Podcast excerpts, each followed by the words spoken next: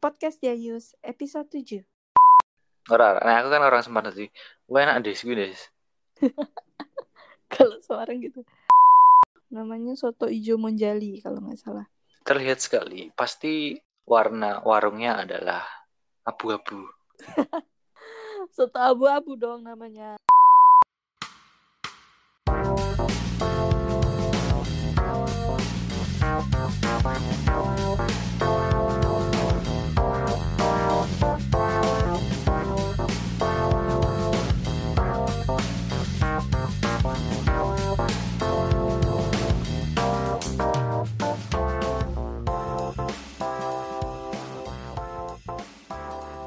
Halo, hai.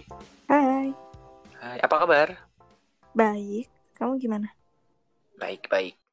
Lagi sibuk apa sekarang? Sibuk ini ya, mengeksplor makanan-makanan baru untuk dibuat. Iya, karena nggak ada yang bisa dibeli. Ada yang bisa dibeli, cuman yang dipengenin nggak ada di sini. Hmm. Nah, ngomong-ngomong beli, barusan aku ini order mie ayam lewat GoFood. Ah, Cuman ya rasanya standar-standar aja lah. iya. Masih belum ngalahin ini mie ayam Tumini yang di Jogja. Soalnya beberapa kali aku order makanan via ojek online atau beberapa kali aku beli makanan di dekat daerahku, itu masih belum ada yang ngalahin eh, Tumini.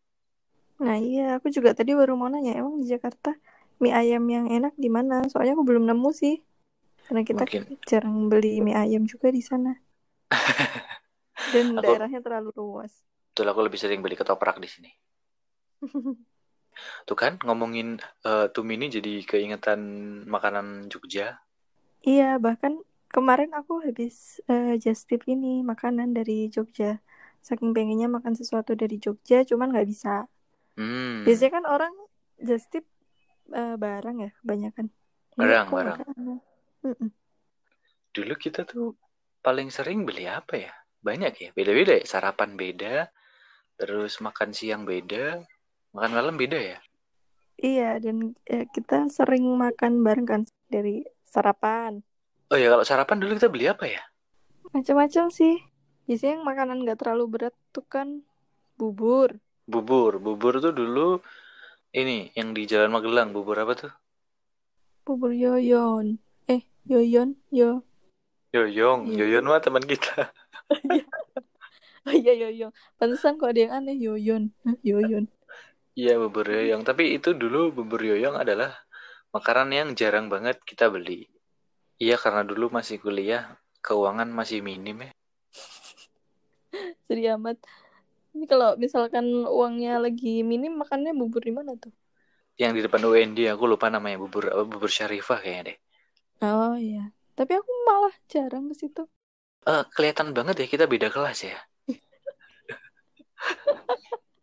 Soalnya aku suka bubur itu yang kuahnya sedikit. Buburnya aja udah udah ada rasanya eh, gurihnya. Jadinya tanpa si kuah itu udah enak. Nasi bubur yoyong itu kayak gitu modelannya. Hmm. Buburnya tidak begitu berkuah. Iya, Tapi iya. enak kan? Enak dua-duanya enak. Eh, bubur yoyong enak, bubur Syarifah Enaknya juga. harus enaknya tadi pakai kol-kol lah. Enak apa tadi? Enak. Enak, enak. Masuk aku ngene medok tadi itu. Wah enak gue bubur yoyong karo bubur Syarifah. Wah, enak rek. Ora, nah aku kan orang Semarang sih. Wah enak deh, gue deh. Kalau seorang gitu. Eh, Kalau Jogja gimana Jogja? Kan kita Jog- lagi ngomongin Jogja, harusnya Oh Jogja iya, dong. Jogja tuh eh, eh, enak kayak bubur yo. Emang gitu. Enggak ya? Gini kenapa malah ngomongin kosakata. Oh iya. Enak Nah, sih. Eh, selain bubur, eh, dulu sih kayak kita lebih sering soto ya. Karena kan Ah, soto juga cocok tuh pagi-pagi. Iya, soto yang paling terkenal untuk kita ada di kalangan anak-anak teknik adalah soto Pak Nanto. Anak-anak Pogung. Yang tinggal di Pogung kan bukan cuma anak teknik. Oh iya, anak-anak Pogung. Berasa Pogung milik teknik aja. Mentang-mentang deket. Nah, itu Pak Nanto enak kan dulu dulu kamu juga sering ke sana kan tak ajakin. Itu yang enak adalah tempe gorengnya. Tempe ya tempenya. Lima ratusan doang. Terus tempenya itu crispy gitu kan. Tapi aku lebih suka kalau misalkan si tempenya itu dimasukin ke kuahnya. Jadi dia semi-semi crispy Hmm, tapi Oh iya. agak lembek juga. Kalau kamu sukanya dicelupin apa dimakan langsung? Oh dimakan langsung. Jadi tangan kanan memegang sendok, tangan kiri memegang tempe.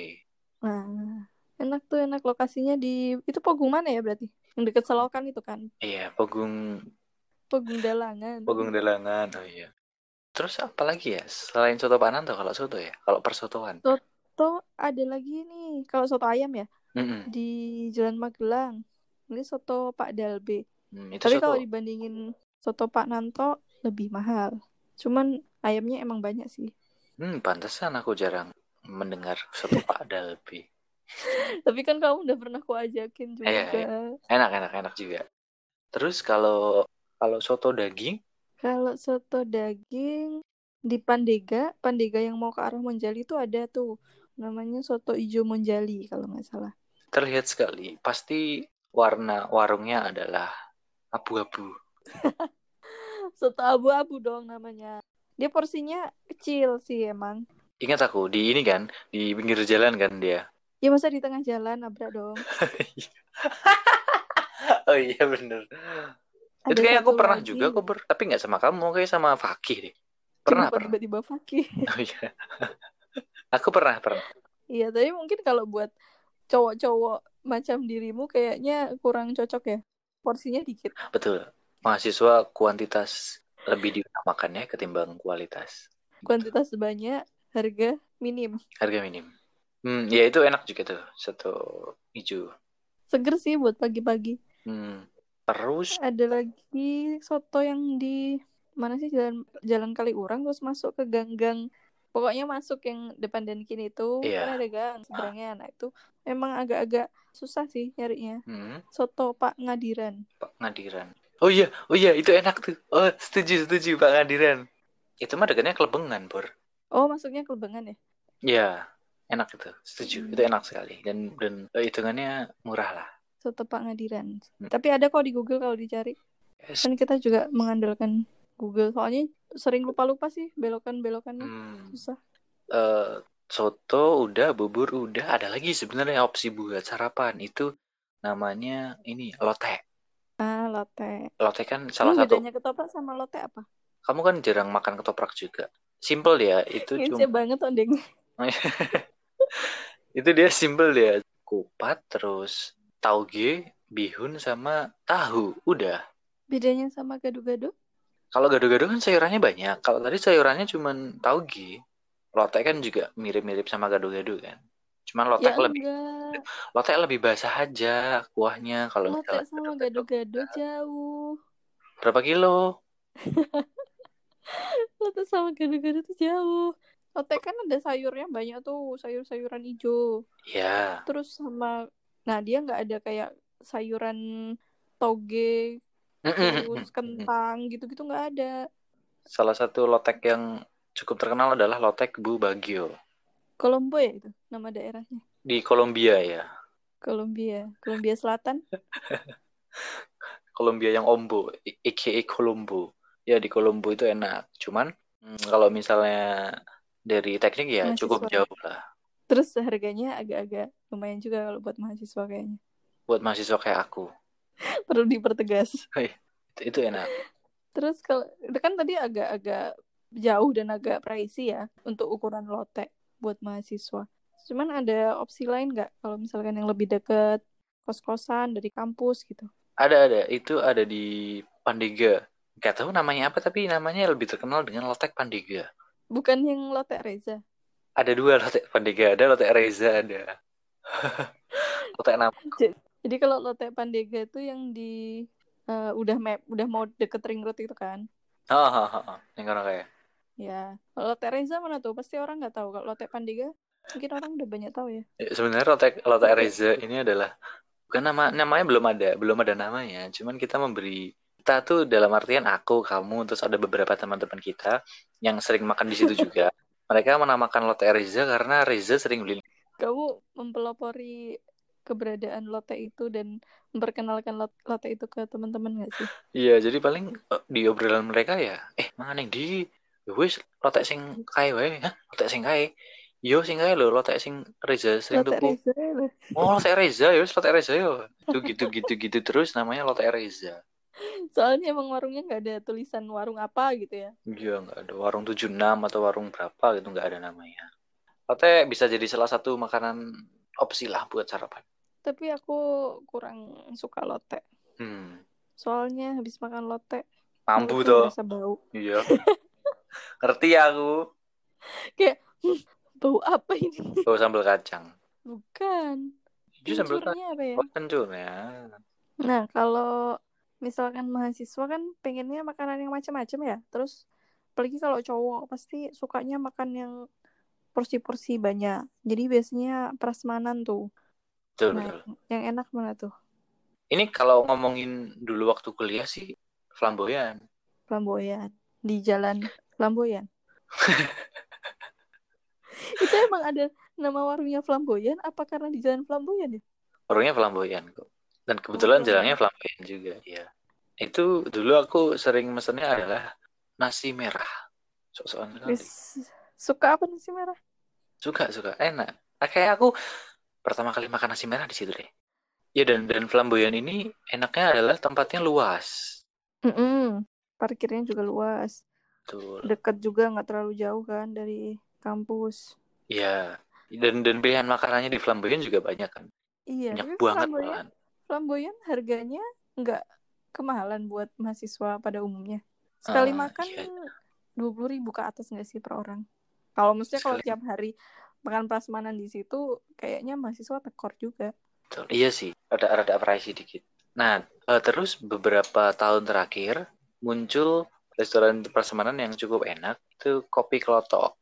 Itu kita baru tahu di akhir-akhir masa kuliah ya. Apa emang baru buka pas masa akhir kuliah? Apalagi cuman boomingnya pas itu? Ah, kurang tahu. Pokoknya kita baru tahu dan baru denger itu di akhir-akhir kuliah kan. Akhirnya kita jadi sering ke situ. Mm-mm. Kalau misalnya tadi Flamboyan itu rada, rada deket dari kampus atau kosan dulu, kalau misalnya jauh nih. Kopi Klotok rada ado. Dia itu di Jerman. Jauh kan? Apa sih? Jejere, jejere kauman. Kopi Klotok itu di Jalan Kaliurang KM KM belasan. KM belasan. Kayaknya 12 13 gitu ya. Iya, apa kesebelasan? Sepak bola dong. Iya dan dia itu bukan di pinggir jalan, dia itu masuk-masuk ke gang kan. Jadi Bukan di pinggir jauh. jalan besar. Iya bukan di pinggir jalan besar tapi harus masuk ke gang-gang. Tapi ada kok petunjuknya. Google kayaknya ada juga.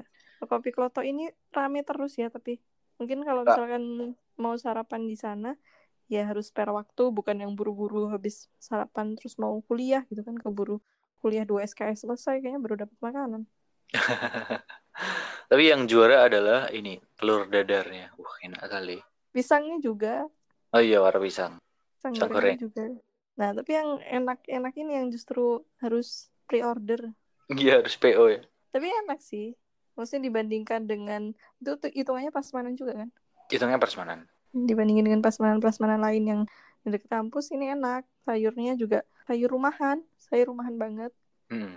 Enak terus murah. Murah hitungannya murah. Bahkan kayaknya lebih murah kopi kelotok deh daripada flamboyan. Average-nya. Iya ya kayaknya. Waktu itu aku Iya pernah ngajak kayaknya. Orang tuaku ke sana terus pas bayar kaget. Loh, kita makan berempat cuman segini habisnya. Ini nggak salah hitung orangnya. Tapi itu murah sih emang. Yang wajib dicobain telur dadar. Bahkan waktu itu kita ngajak orang juga. Ya kita ngajak orang dong, masa ngajak tumbuhan. Ya kali aja tumbuhan mau jalan-jalan, Oh bosan. iya. Ngajak orang ke sana yang belum pernah ke sana sebelumnya. Terus waktu itu udah kehabisan kan. Tinggal telur Mhm. dadarnya doang sama sambel. Oh iya, sama sambel. Terus sama sambel. Terus eh, mereka udah bilang enak. Padahal cuma telur sama sambal doang. Sambelnya juga enak. Ya pokoknya cocok buat orang yang pengen merasakan suasana rumahan. Tempatnya kan juga tempat-tempat yang di desa gitu. Pemandangannya masih sawah. Hmm, iya. Walaupun namanya kopi kelotok, tapi aku nggak pernah nyobain kopinya sih. Kopinya enak tapi standar sih.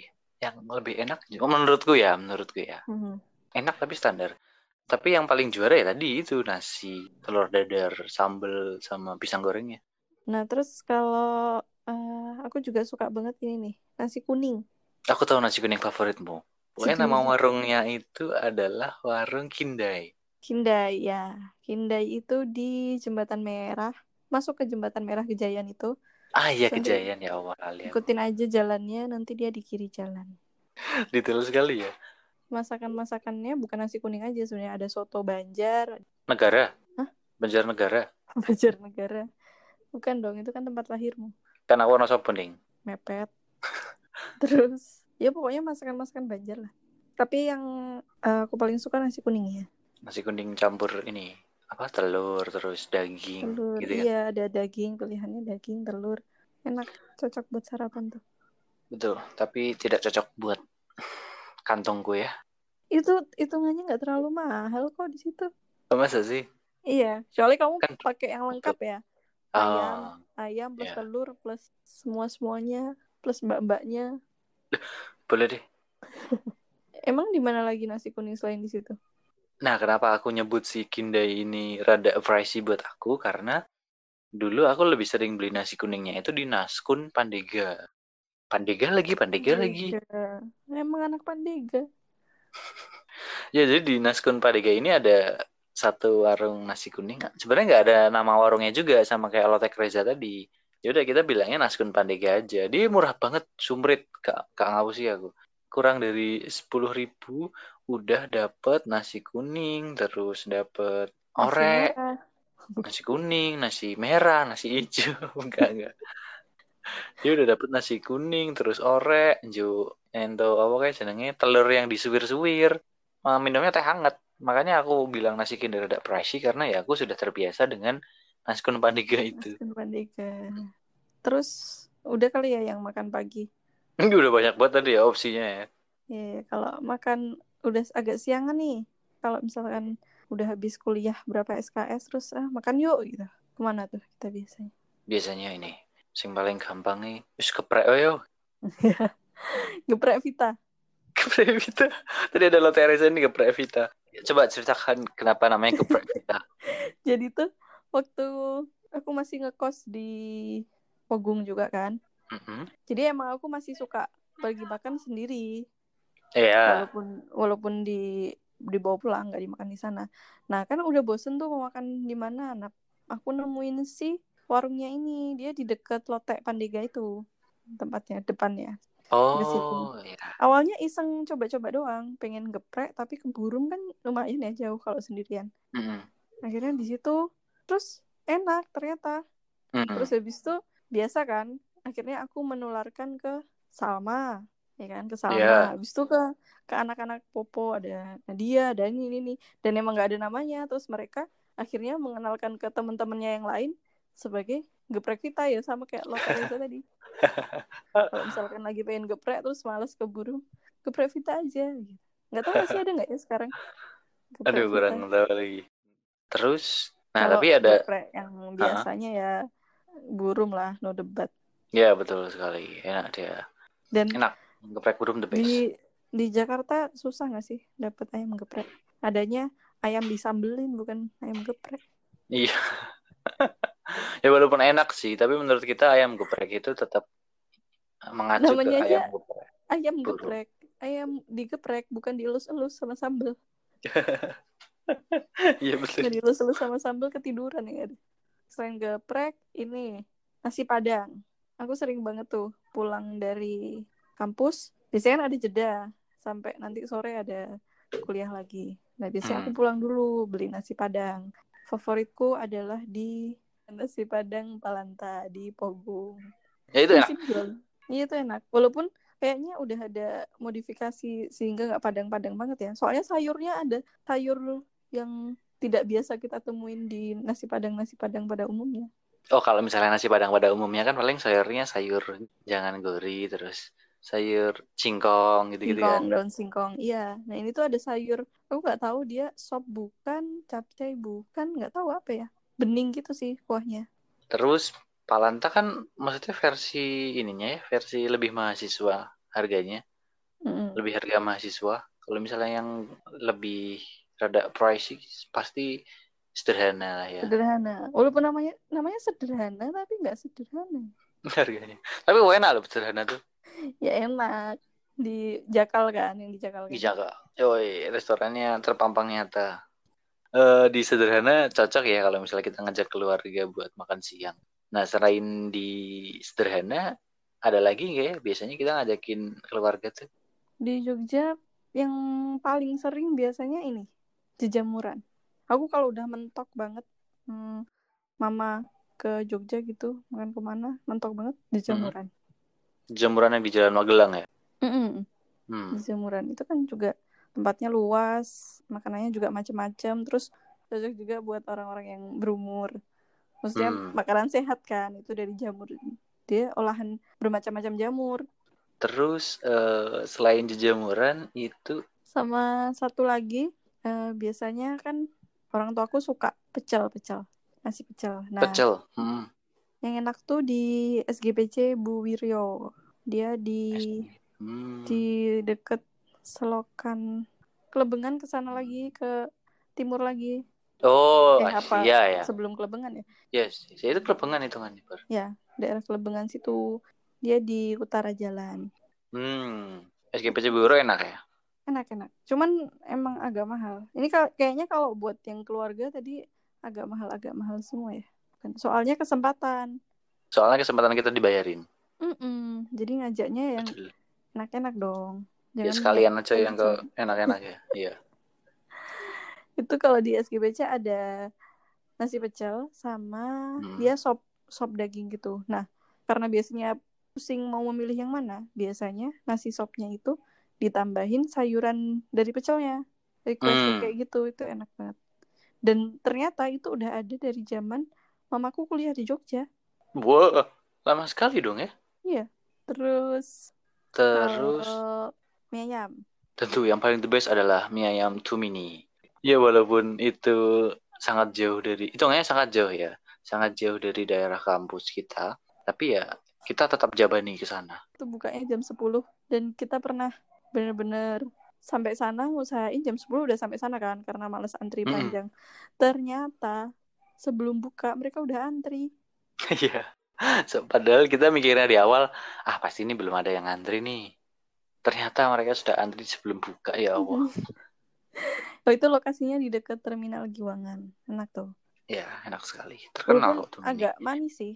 Cuman manisnya nggak yang bikin enak kalau menurutku. Hmm. Kan dia kental dan manis gitu kan. Bener sekali enak, kuahnya enak, terus minyak enak. Wah enak tenan nih. Yang enak tenan. Nah, aku biasanya misalnya yang porsi jumbo. Kalau kamu biasanya kan mesennya yang ada cekernya kan. Iya, mie ayam ceker. Soalnya cekernya juga enak, dia empuk gitu kayak dimakan tuh ludes di lidah. Terus Hmm, ada lagi bakso biasanya. Kalau bakso.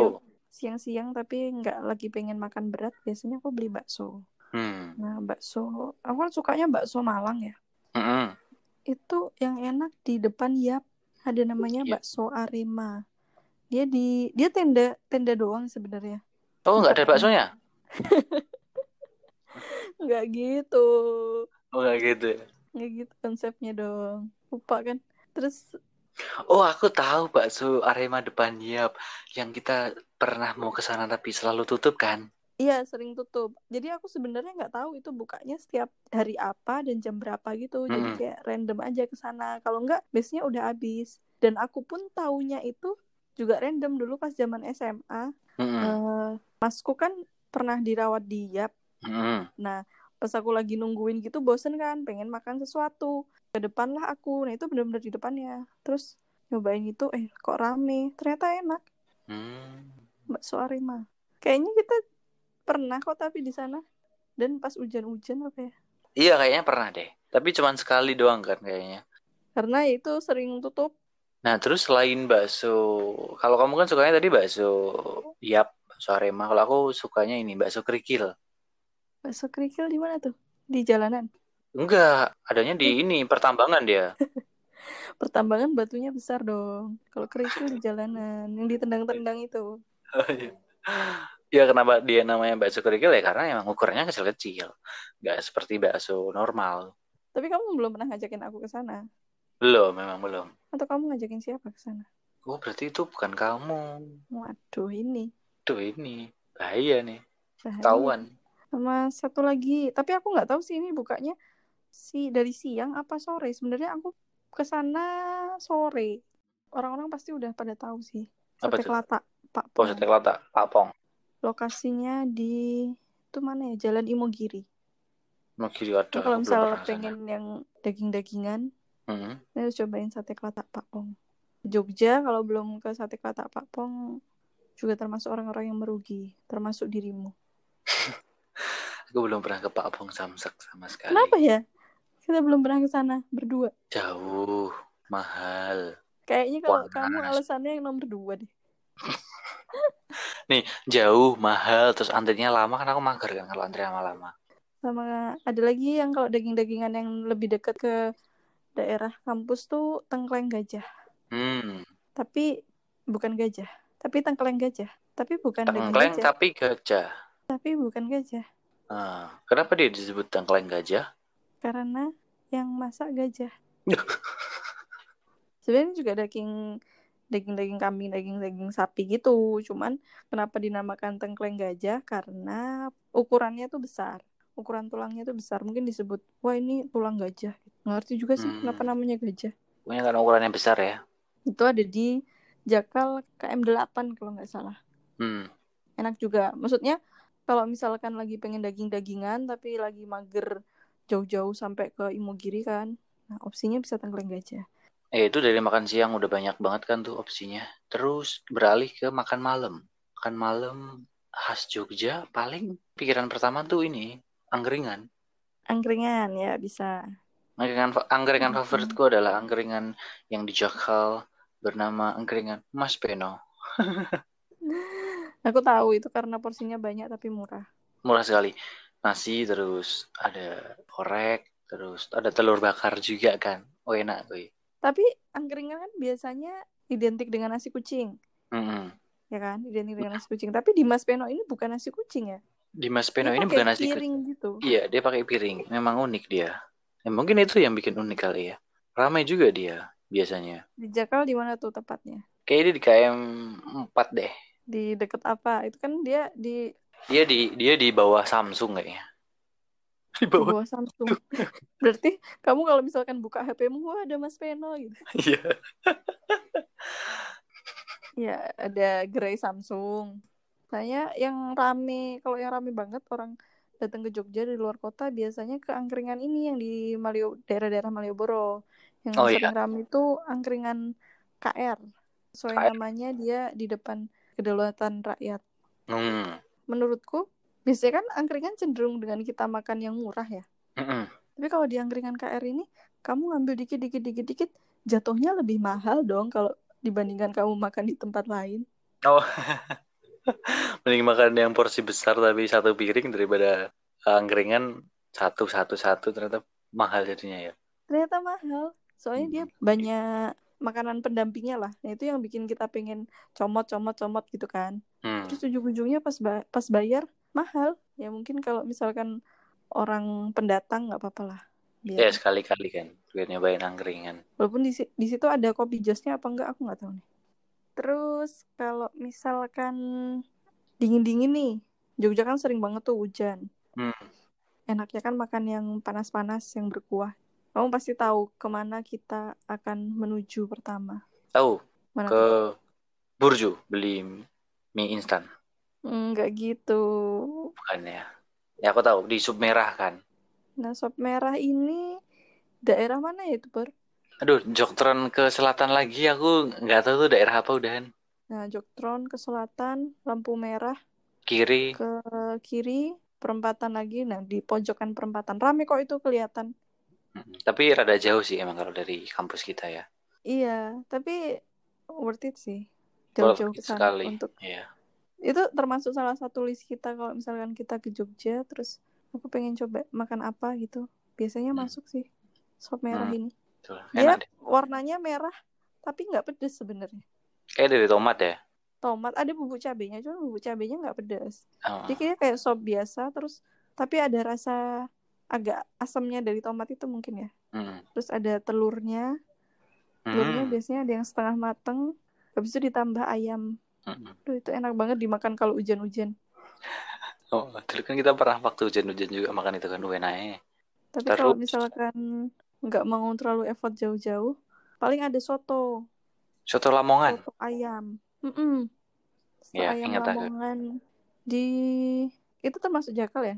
Yang daerah-daerah Cek kalau GSP. eh, eh, tenda-tenda yang di dekat GSP itu Hmm. ada namanya soto Lamongan Pak Sukar. Sebenarnya ada jualannya nggak cuma soto ayam, ada rawonnya. Hmm, ya rawon. Sebagai orang Jawa Timur yang identik dengan soto Lamongan dan eh, rawon, Mm-mm. itu approve sih. Approve sekali. Soto Lamongan, soto Ya. Lamongan sama rawonnya. Kita pernah juga ke ini jangan lupakan yang namanya nasi goreng Bu Ita. Nasi goreng Bu Ita tuh berarti masuknya apa ya? Chinese food maybe. Soalnya dia ada makanan-makanan yang lainnya yang Chinese food gitu, Fuyung Hai, ya kan Fuyung. Hai. Favoritku adalah Fuyung Hai. Wuh, enak tenan gue Fuyung Hai ini. Tapi Fuyung Hai-nya gede banget, jadi disarankan untuk yang makan Fuyung Hai berdua. Dulu aku sendiri loh kayaknya. Eh, enggak berdua sama kamu ya? Berdua sama Oh, aku. iya Iya, iya. Mungkin kamu kurang apa ya? Kalau sendiri, kalau berdua. Tapi akunya nggak habis. Fuyung Hai enak sekali. Terus nasi goreng kornetnya goreng juga kornet. Ah, Iya. Itu enak tuh di Pandega. Masih Iya. ada kayaknya ya sekarang. Nasi goreng Bu Ita kayaknya masih ada. Tapi menu yang kita beli di Bu Ita cuma dua itu. Nasi goreng Iya. kornet sama Hai. Gonta-ganti aja. Ada banyak banget pilihannya. Cuman kayaknya kita udah terlanjur cinta sama dua menu itu terus nggak mau cobain yang lain. Takut zong aja. Iya. Takut zong terus habis itu nggak mau ke sana lagi. Iya. Kalau Chinese food lagi mana tuh selain Bu Ita? Kak kue tiaw tuh masukin Chinese food juga kan? Hmm. Hmm, kue tiaw andalan adalah di mie Bandung Keridosono. Wah, enak tenan. Kayak aku mbien sama enak ya. enak aku mbien sama Fritz sering ke sana sebelum sama kamu. Iya. Loh, jadi kamu sebelum sama aku sama Fritz? Iya. Loh. Gak, nggak, dulu aku sering buat ke sana sama Fritz. Tapi itu dulu buat makan siang ya. Karena habis kuliah kan pengen pengen yang kenyang-kenyang. Itu makannya ke sana. Itu bukanya dari siang. Dari siang dia bukanya. Oh, biasanya kita kalau kamu ngajakin aku kan malam-malam. Mm-mm. Maghrib Nah, ke malam maghrib ya. Iya. Enak sih ini kue tiaunya. Pasti selain enak karena porsinya banyak. Banyak banget. Itu kue tiaunya aja kadang aku nggak habis. Itu dulu kan aku waktu sama Fritz itu aku mesennya kue tiaw satu sama nasi putih satu. Buat berdua. Satu, satu, satu piring satu. Jadi kita dulu Gimana? mesennya ya kue tiaw sama nasi putih. Luar biasa. Double karbo dong. Karbo, ya memang Habis. habis. Suruh Banyak Jadi- sekali makannya. Jadi nasi lauknya kue tiaw. Terus mimian lagi nih. Kita suka makan mimian ya kayaknya kalau Mimian, ya. bakmi Jowo. Bakmi Jowo. Bakmi Jowo kan juga identik banget sama Jogja. Rame banget tuh ada, kalau ada yang jualan bakmi Jowo yang udah terkenal di Mm-mm. Mbah Mo. Mbah Mo agak jauh sih. Ini juga antrinya lama. Hmm. Pak Pele. Dekat-dekat alun-alun utara. Terus kalau mau yang lebih dekat ada di pom bensin Terban. Aku suka tuh, enak. Walaupun rada mahal tapi itu enak. Mbah Hadi apa ya? Namanya aku lupa deh namanya. Kayaknya Mbak Hadi deh. Dia Itu masuk enak ke dalam pom bensinnya dulu kan. Jadi kita parkirnya Iya. di pom bensin kan. di dalam pom bensin. Jadi emang nggak ada tulisannya di luar di dekat jalan nggak ada. Jadi Hmm. emang kalian harus masuk dulu. Nah itu di pojokan itu ada pemandangannya kita bisa lihat Kali Code. Ya, betul sekali. Ada ada view-nya kan. View-nya Kali Code sama McD yang di sana tuh. Dan antrinya juga nggak sebanyak, nggak segila si Mbah Mo atau Pak Pele yang bisa Hmm. dua jam. Nah, tadi kan pas di Badi kita melihat view, ada view yang bisa kita lihat ya. Nah, ngomong-ngomong tentang view itu, kan ada beberapa restoran yang di Jogja yang menye- menyediakan view kan. Kayak contohnya di ini. Rada mahal sih dia. Aku pun baru ke sana itu waktu pas sudah kerja. Itu di Abayagiri. Ah ya Bayagiri. Mahal sih, tapi view-nya bagus sekali. Makanannya juga enak kok itu. Beda selera kali. Kenapa? Menurutmu biasa aja. Standar aja. Berarti menang di view. Menang di view. Hmm, ya mungkin kalau misalkan orang luar Jogja kan jadi menarik sih. Hmm. Apalagi orang-orang yang biasa di Jakarta yang kalau misalkan view-nya gedung-gedung gitu kan. Kalau di situ kan view-nya bagus tuh, ada sawah, ijo-ijo semua lah. Hmm. Tapi mendingan reservasi sih. Kalau ke Abaya-Giri reservasi dulu. Soalnya sering Karena pasti rame ya. Iya. Apalagi kalau di libur panjang. Aku pernah ke sana nggak reservasi dulu terus ini Antri. udah penuh. Lama Enggak, banget. udah penuh nggak bisa. Oh, pulang dong. Iya pulang. Hmm. Jadi emang harus reservasi dulu. Emang waktu itu pas habis lebaran apa ya tahun lalu. Oh, pantesan ya. Kalau Kalau misalnya versi murahnya kalau versi murahnya itu di di ini sih paling di Bukit Bintang. kan di sana ada beberapa makanan yang disediakan kan selain view. Oh iya iya iya. Itu sama-sama view-nya, ada view-nya, cuman Hmm. ada makanan-makanannya lebih terjangkau lah ya. Lebih harganya lebih lebih murah. Tapi sekarang di Bukit Bintang pun udah dipakai untuk bisnis-bisnis gitu. Jadi banyak bangunan-bangunan baru. Yang waktu itu kita ke sana juga, heha. Iya, ya, ya, Sky View. Iya itu Bagus kan juga. jadi ladang bisnis orang-orang. Ramai banget itu. rumah. Gile laris banget itu si Sky View. Ya. Mungkin karena waktu itu baru buka ya. Hmm, awal-awal banget buka ya. Baru awal buka, terus itu juga pas libur dan akhir tahun kan. Kita habis Iya, ya. habis nikah kan itu Hmm, ke sana. Betul. Desember, Desember libur akhir tahun. Jadi bener-bener rame banget. Ya, terus eh nasi-nasi ini nasi yang di Jalan Magelang kita sering banget ke situ juga. masih Langgi. Ah ya, nasi langgi. Hmm. Nasi langgi di Jalan Magelang. Aduh, KM berapa itu ya?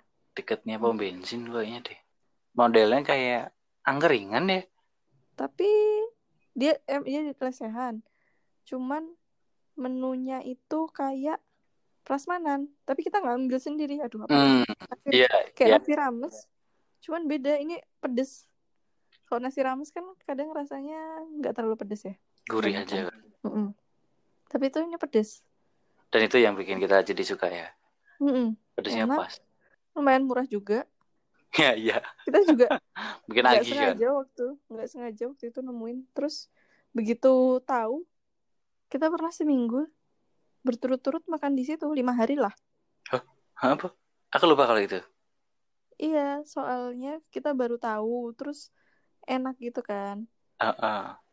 Nah, seringnya waktu itu waktu kamu habis ngelesin, terus kamu jemput aku, udah bingung mau ke mana. Udahlah nasi langgi aja, tapi enak. Karena masih awal-awal tahu, jadi mungkin Oh, belum iya. bosen. Ah, ah. Bikin lagi gara-gara pedesnya kan. Mm-mm. Masih ada apa enggak? Aku juga nggak tahu sekarang. Besok ke Jogja perlu kita cek ke sana. Mungkin nasi Boleh. langgi lagi. Dekat rumah juga kan. Terus aku pernah tahu juga dari ini dari Mas dari Masku sih. Hmm. semacam nasi langgi juga dia ada bihunnya bihun pedes gitu terus lauknya Hmm, ya. cuma tempe goreng tapi agak jauh di depan Jogjatronic Juk, aduh jauhnya. Kayak submer tadi ya. Mm-mm. tapi itu laris banget jadi dia buka jam 4 nah ini sebelum maghrib bisa udah habis Wow. dia bentuknya kayak nasi kucing gitu dibungkus dibungkus kayak nasi kucing tapi pakai daun pisang ya Hmm. satu porsi isinya nasi sama bihun pedesnya itu tadi Hmm. terus nanti eh, makanan pendampingnya tempe goreng Tempe goreng kayak gorengan. tempe goreng adanya tempe goreng sama tahu goreng apa cuman Oh, dua itu aja tapi larisnya Laris banget. Ya Allah, Iya. enaknya. Kita jarang ke sana juga sih karena nggak nemu ataupun pasti udah tutup ya. iya dan Hmm. jauh Mendingan sih lagi. Kalaupun kita ke sana pasti kita ke sub merah. nasi langgi udah enak iya iya kalau kita ke Iya sana kan? kita mendingin ke Sumerah Hmm, Terus ini jangan melupakan lesehan IP yang di dekat SMA-mu. oh iya SNIP di Wirobra itu maksudnya Wirobrajan apa enggak ya Masian Lesehan Eh, IP Ya, itu yang juara adalah telur bakar dan lele bakarnya. nah iya enak banget no debat itu kamu waktu Aku- itu nggak tahu kan awalnya IP Ya Terus- aku nggak tahu, aku diperkenalkan oleh kamu. Eh, eh, jadi waktu itu aku udah bosen mau makan apa di sekitaran Jakal, Pandega. So ngajakin kamu ke, aku lagi pengen makan lesehan. tapi di dekat Hmm. SMA aku. Terus kamu awalnya bilang, aduh jauh banget gitu kan. Terus begitu, begitu kamu cobain, besoknya kamu ngajakin ke sana lagi. Aku ingat banget kamu setelah hari besoknya langsung ngajakin ke sana. Ipi lagi aja yuk, Pur. Di dekat SMA 1, Jogja. Terus apalagi ya? Makan malam tuh biasanya. Gudeg, gudeg kamu suka nggak? Hmm, gudeg sih nggak terlalu ya, tapi kan Jogja nggak nggak Jogja kalau nggak gudeg. Nah, ya. Kenapa nggak suka? Karena manis? Hmm, karena aku nggak tahu kenapa. Maksudnya bukan nggak suka ya, biasa aja. Karena ya jarang aja makan gudeg, makanya jadi biasa. Ah. Gudeg. Kalau biasanya orang luar Jogja soalnya nggak suka gudeg karena menurut mereka terlalu manis. Gudeg tuh. Enggak. Ya bukan bukan kamu orang Jogja banyak orang luar Jogja banyak. Emang Jogja, eh Jogja, emang gudeg yang enak di mana? Gudeg mercon yang sering kamu beli tuh. Iya gudeg mercon di daerah Keranggan tuh enak. Hmm, Cuman sering kehabisan. karena pasti rame ya. Mm, antrinya banyak. Ada lagi sebenarnya gudeg Bromo. Dia baru buka jam 11 juga malam. Kalau gudeg mercon ini seingatku jam 10. Oh ya kalau gudeg tuh biasanya malah bukanya ini ya, late night ya. Iya, makan gudeg-gudeg yang sudah dimodifikasi sehingga lebih gurih. Ini gudeg-gudeg ini tuh lebih gurih dan pedas. Kalau gudeg-gudeg yang pagi hari yang di Jogja Yang terkenal kan yujum. yujum, lebih manis. Kalau yang Hmm. gudeg Bromo ini di Gejayan, antrinya juga panjang banget. Biasanya kan kalau misalkan baru datang di Jogja, biasanya jam 10 malam ya, kalau naik bis dari Cilacap. Mm-mm. Jam 10 malam itu aku pengen makan gudeg yang pedas. Tapi aku pernah beberapa kali order pakai Go Shop, Hmm. gudeg Bromo ini, nggak ada yang mau. Karena antrinya banyak banget ya. Nanti antrinya banyak banget, tapi eh, mereka memakai alasan-alasan, Kak saya nggak bawa uang cash atau eh Kak gudegnya tutup, padahal nggak tutup gitu misal. Atau enggak Kak apa gitu. Nah yang Karena- masih Heeh, karena ngantrinya, yang masih mau mereka ngantriin itu sih gudeg mercon ini yang di Keranggan. Karena mungkin Hmm. masih manusiawi antrinya. Tapi enak juga kan. Enak pedes, enak tuh makan. Nah kalau makan malam kayaknya itu sih yang rekomendasi kita. Dan seingat kita, soalnya udah lama Terus juga kalau nggak uh, Mbak Pia tuh masuknya apa ya? makan. Cemilan kan. Kalau bapia cemilan, bisa oleh-oleh. Ya, sore-sore biasanya kita kalau cari cemilan tuh di antara mau makan malam terlalu awal, tapi makan siang udah hilang tenaganya. Ini kayak lapar-lapar di sore hari gitu. Ya. Yang paling sering kita beli adalah ini, cilok gajahan. Cilok gajahan. Itu adanya di alun-alun sebenarnya kan. Terus dia buka cabang di Alfamidi Jakal. Hmm. Itu pakai sampai pakai nomor antrian loh. Cilok doang. Aku juga nggak ngerti. Pakai Iya. nomor antrian yang tulisan ada kertas itu. Jadi Ya nomor datang, 20, nomor 40. Datang baru pesan. Eh datang baru ambil antriannya terus nanti dipanggil nomor antrian segini. Jualan cilok doang pakai gerobak kecil. Bisa gila sih kalau di Jogja kalau misalkan udah terkenal gitu bisa serami itu Dan itu setiap hari ya. setiap hari. Jam 5 ya biasanya buka. Jam 5 apa jam 4 aku lupa. Iya dulu kita sampai sampai apal jam buka. Mm-mm, dan begitu sampai bu orang udah antri mau ngambil antrian nih. Terus habis itu ada apa lagi ya? Jangan lupakan leker di depan Yami Panda itu. itu leker yang memperkenalkan aku ya ke kamu ya. Eh kamu ya? Aku lupa deh. Iya itu enak banget kan lekernya. Ya, leker enak, murah. Sampai bapaknya juga udah hafal kita. Betul. Sering banget kita, saking seringnya kita beli. Terus ada ini es-esan, es pisang hijau. Nah, yang di Lakapila ya. Ya, Lakapila itu kan jual, sebenarnya jualnya coto. Tapi ada es pisang hijaunya. Tapi entah kenapa, kita lebih suka es pisang hijaunya. tuh. Terus habis itu ada nah, es-esan lagi eh, Tempo Gelato. Eh, gelato kayaknya masih jadi favorit ya di Jogja. Aku belum nemu yang belum nemu yang lebih enak di Jogja. Itu bisa kalau musim liburan, wah antrinya sampai luar-luar. Satu cup 25.000 ribu ya. Eh sebenarnya masih banyak sih. Makanan di Jogja yang belum kita cobain. Kayak Banyak banget, misalnya, ya, dan itu makan-makan yang terkenal gitu. Misalnya aja mangut lele Mbah Marto, kita belum kesampaian ke sana. Mie ayam goreng Seyegan, itu juga katanya enak. Ini mie ayam tapi digoreng. Ya unik juga ya. Ada lagi di dekat Malioboro, Oseng Mercon Bunarti. Ini Kita belum pernah belum pernah. Mungkin nanti kalau kita ke Jogja bisa dicobain. Aku Boleh kapan kita ke Jogja lagi? secepatnya ya. ya itu kali ya. Ya itu ya. Jadi makanan-makanan dari Jogja yang bikin kita pengen ke sana lagi. Kangen ke Jogja dan berkuliner lagi. Mm-mm. Kayaknya udah banyak yang kita sebutin. Gak bisa kita sebutin semuanya sih soalnya. Betul. Yaudah segitu aja nostalgia dari kita. See you. Goodbye. Goodbye. Sampai ketemu di episode selanjutnya. Love you. Love.